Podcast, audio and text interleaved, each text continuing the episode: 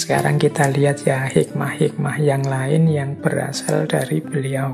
Ada banyak sekali sebenarnya kitab-kitab yang menceritakan, mengisahkan tentang hikmah-hikmah dari kehidupan beliau, termasuk hikmah-hikmah yang beliau sampaikan langsung. Malam hari ini kita akan sedikit belajar tentang hikmah-hikmah yang beliau sampaikan ini. Setelah tadi kita belajar dari pidato, sekarang kita belajar beberapa kalimat mutiara dari beliau. Ini pelajaran pertama yang menurut saya sering beliau sampaikan antara lain berhubungan dengan pengendalian diri. Jadi satu ketika beliau menyatakan seperti ini. Beberapa saya sertakan bahasa Arabnya ya. Biar teman-teman familiar juga mendengarkan kalimat-kalimat dalam bahasa Arab. Selama ini kan yang terbanyak sering kita sampaikan dalam bahasa Inggris. Beberapa di antaranya ya dalam bahasa Jawa. Sekarang kita ambil yang dalam bahasa Arab. Satu ketika Umar bin Khattab menyatakan begini, La tangzuru ila siyami ahadin wala ila solatihi walakinin zuru ila man idha khadasa sodako wa idha tumina adha wa idha asfa aihamma bil maksiyah waro'a ini pelajaran tentang pengendalian diri.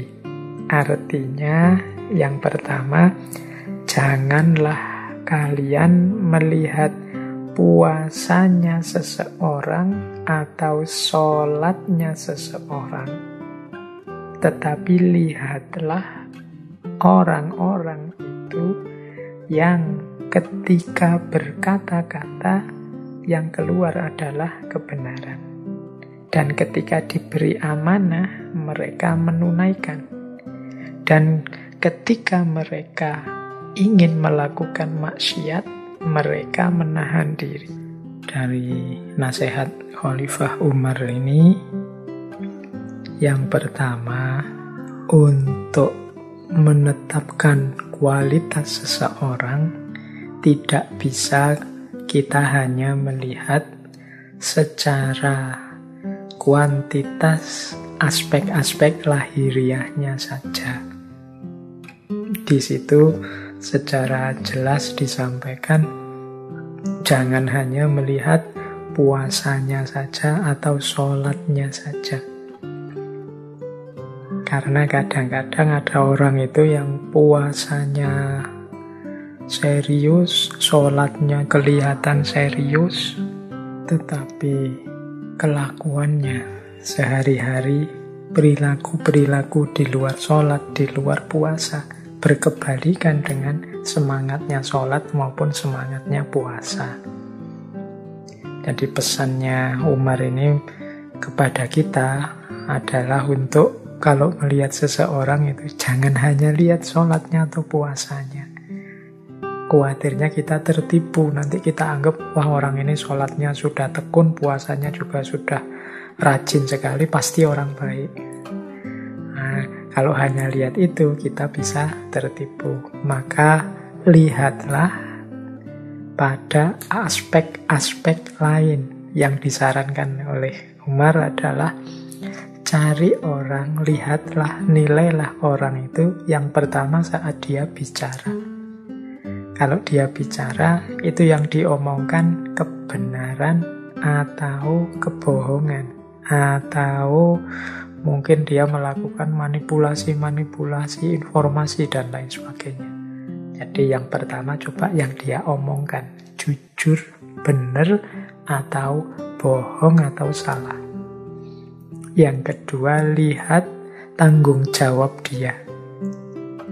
Kalau dia oleh Allah diberi amanat pekerjaan apa, posisi apa, atau jabatan apa, amanah atau tidak. Dia curang enggak? Dia korupsi enggak? Dia males enggak? Dia santai-santai enggak? Dan lain sebagainya. Nah, itu kan parameter dari amanah yang dia emban. Dan yang ketiga, itu ketika dia hama bil maksiyah. Jadi menginginkan kemaksiatan. Orang itu kan senantiasa dalam dirinya sering kali ada dorongan-dorongan mungkin dari hawa nafsu, mungkin bisikan-bisikan setan untuk melakukan keburukan, kejelekan. Itu mampu tidak dia menahan diri. Nah ini lupa gimana Pak? Untuk mendeteksi ada dorongan atau tidak kalau kita bukan yang alami langsung. Ya mungkin bisa dilihat dari lingkungannya, Lo itu teman-temannya lo sudah melakukan hal yang sia-sia semua. Dia saja yang enggak. Oh yang lain sudah curang. Dia sendiri yang enggak curang. Itu kan berarti menunjukkan orang yang mampu menahan diri. Jadi apakah dia kalau ngomong lurus, apakah dia kalau diberi amanat bertanggung jawab, apakah dia mampu menahan diri.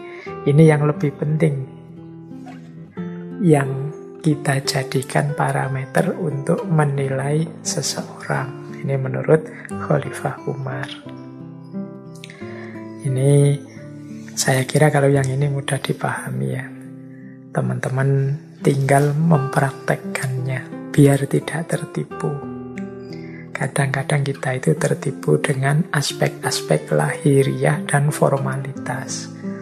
Bukan berarti salah, tapi kadang-kadang kurang dalam kalau hanya melihat itu saja. Banyak loh orang yang sholatnya, rajinnya luar biasa, tapi juga korupsinya jalan terus.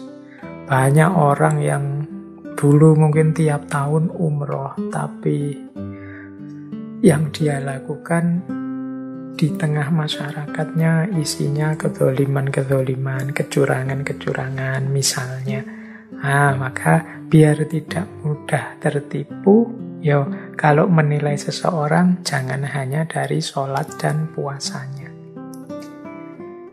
Baik, itu pelajaran pertama tentang pengendalian diri. Pelajaran kedua, kalau ini mungkin ada yang tidak setuju, ada yang setuju. Amitul batila bisukuti anhu wala tasar saru fayantabihus syamitun. Tapi kita coba pahami lebih dalam yang dimaksud oleh Khalifah Umar dalam kalimat yang kedua ini. Bunuhlah amitul batilah, bunuhlah kesesatan itu bisukuti anhu dengan mendiamkannya. Wala tasar saru Jangan kamu sebar-sebarkan dengan gosip dan lain-lain. Fayanta bihusamitun. Sehingga membuat para pemfitnah terbangun. Sehingga terus dia terbangun berarti dia kemudian menyebarkan fitnah-fitnah yang sampai padanya. Jadi ini menurut saya nasihat yang kedua ini penting untuk kita pedomani dalam kasus kadang-kadang ada kesalahan-kesalahan, kekeliruan-kekeliruan yang dilakukan oleh orang-orang di sekeliling kita yang itu lebih baik kita diamkan atau seandainya harus diingatkan, kita ingatkan secara diam-diam. Tidak usah dipublish, tidak usah diumumkan di halayak. Jadi kan dulu waktu kita sesi-sesi para sufi, sesi para fakih itu kan banyak nasihat untuk kalau mengingatkan orang jangan dipublik, jangan di depan orang banyak. Karena alih-alih mengingatkan itu nanti jadi mencela. Yang baik adalah coba ingatkan langsung. Sampaikan langsung pada yang bersangkutan tanpa harus kita pamer-pamerkan kesalahannya pada orang lain. Wala tasar saru karena menyebar-nyebarkan itu namanya tasar sar. Tasar sar itu gosip atau kalau bahasa agamanya dekat dengan hibah Hibah itu kan menyebar-nyebarkan kejelekan, kesalahan orang lain meskipun itu sebenarnya kebenaran. Faktanya memang begitu. Tapi mbok yo jangan disebar-sebarkan. Kalau harus mengingatkan, diingatkan saja secara privat, diam-diam. Atau kalau memang sama sekali tidak mungkin bisukuti anhu kata Khalifah Umar ini diamkan Fayan itu Mengapa kok tidak harus disebar-sebarkan biar tidak mancing orang untuk memfitnah?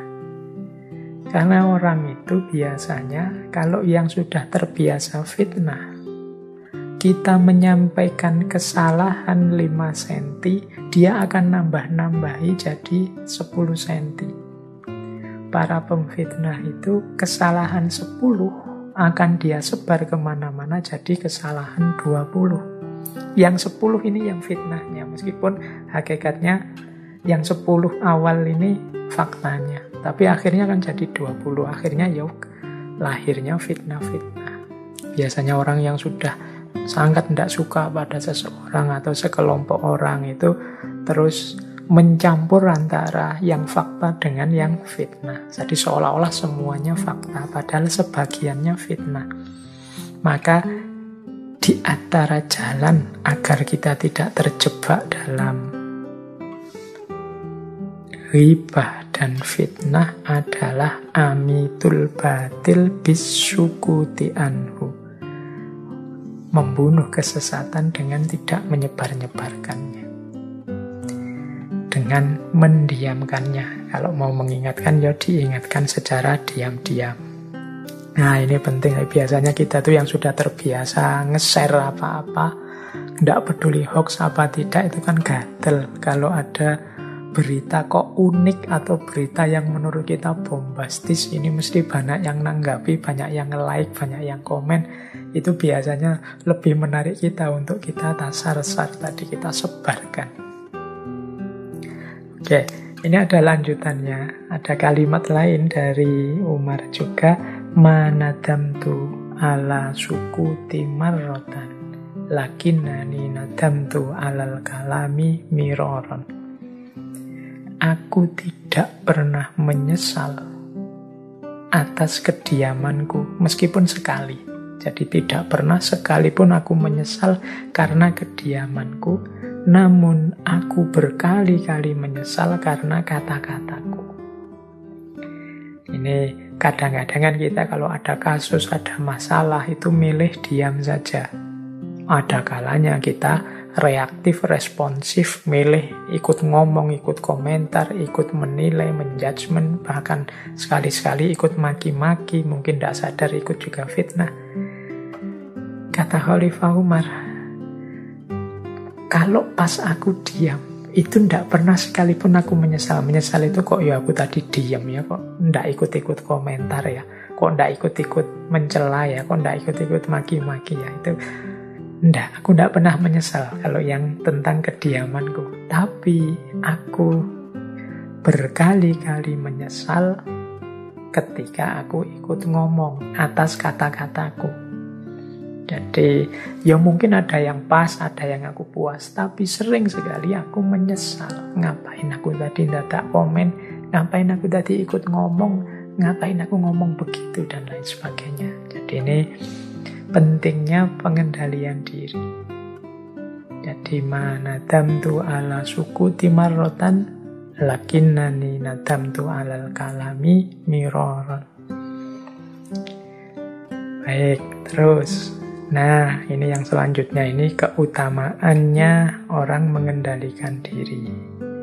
Laisa khairukum man amila lil akhirah wa tarokat dunya au amila lid dunya wa tarokal akhirah. Walakin khairukum man akhudha min hadhihi wa min Wa innamal haroju firrohbati fima tajawaza kodrol hajah wazada ala hadil kifayah. Bukanlah yang terbaik di antara kalian orang yang beramal untuk akhirat dan meninggalkan dunia, atau beramal untuk dunia dan meninggalkan akhirat. Tetapi orang terbaik di antara kalian ya orang yang mengambil dari dunia juga mengambil dari akhirat. Sesungguhnya yang tercela, yang jelek itu adalah ketika kita menginginkan sesuatu melebihi ukuran kebutuhan atau melebihi batas cukup. Ini pelajaran dari Khalifah Umar, orang terbaik itu bukan kok orang yang saya hidup demi akhirat saja, dunia aku tinggalkan, atau sebaliknya. Ini lebih jelek, orang yang dunia saja akhiratnya ditinggalkan. Tetapi yang terbaik itu yo dunia yo akhirat, tetapi secukupnya saja, sesuai kekuatan sesuai kemampuan kita. Jadi ibadah ya sesuai kemampuan kekuatan, jangan sampai menyiksa diri. Bekerja ya untuk dunia ya, tapi jangan berlebihan. Nanti mengutamakan dunia terus, melupakan akhiratnya. Atau sebaliknya, mengutamakan akhirat saja, tidak mau bekerja dua-duanya bukan yang terbaik. Yang terbaik itu dunia ya, akhirat ya, tetapi dipenuhi secukupnya. Jangan berlebihan. Loh, ibadah juga tidak boleh berlebihan. Tidak, ibadah juga harus secukupnya. Tidak boleh menyiksa diri. Rasulullah itu dalam banyak kasus mengingatkan para sahabat untuk tidak berlebihan untuk moderat saja termasuk dalam beragama. Satu ketika ada para sahabat itu yang minta izin akan sholat malam terus, tidak tidur-tidur. Ada yang minta izin saya akan puasa terus, tidak ada buka puasanya, pokoknya tiap hari puasa. Ada yang minta izin, saya tidak akan nikah, hidupku ku persembahkan pada agama. Itu oleh Rasulullah diingatkan, Wong, aku ini nabi, aku tidur dan aku juga bangun. Berarti ya jangan bangun terus kalau malam. Tubuh kita ada hak untuk tidur. Aku puasa, tapi aku juga buka puasa. Ya jangan puasa terus. Jadi perhatikan juga kebutuhan tubuh kita. Dan aku juga menikah. Barang siapa yang tidak suka sunnahku, tidak termasuk kelompokku. Jadi kalau ada yang kemudian aku hidup demi akhirat saja tidak menikah, nah itu diingatkan oleh Nabi. Jangan, wong aku Nabi saja menikah. Nah, ini aspek-aspek pengelolaan diri, pengendalian diri. Biasanya kita itu kan kalau lagi semangat, kemerungsung, punya karep apa saja, terus tidak ngerti batas kita harus ngerti kodrol hajah dan hadul kifayah. Ukuran kebutuhan kita dan batas kecukupannya. Jangan berlebihan.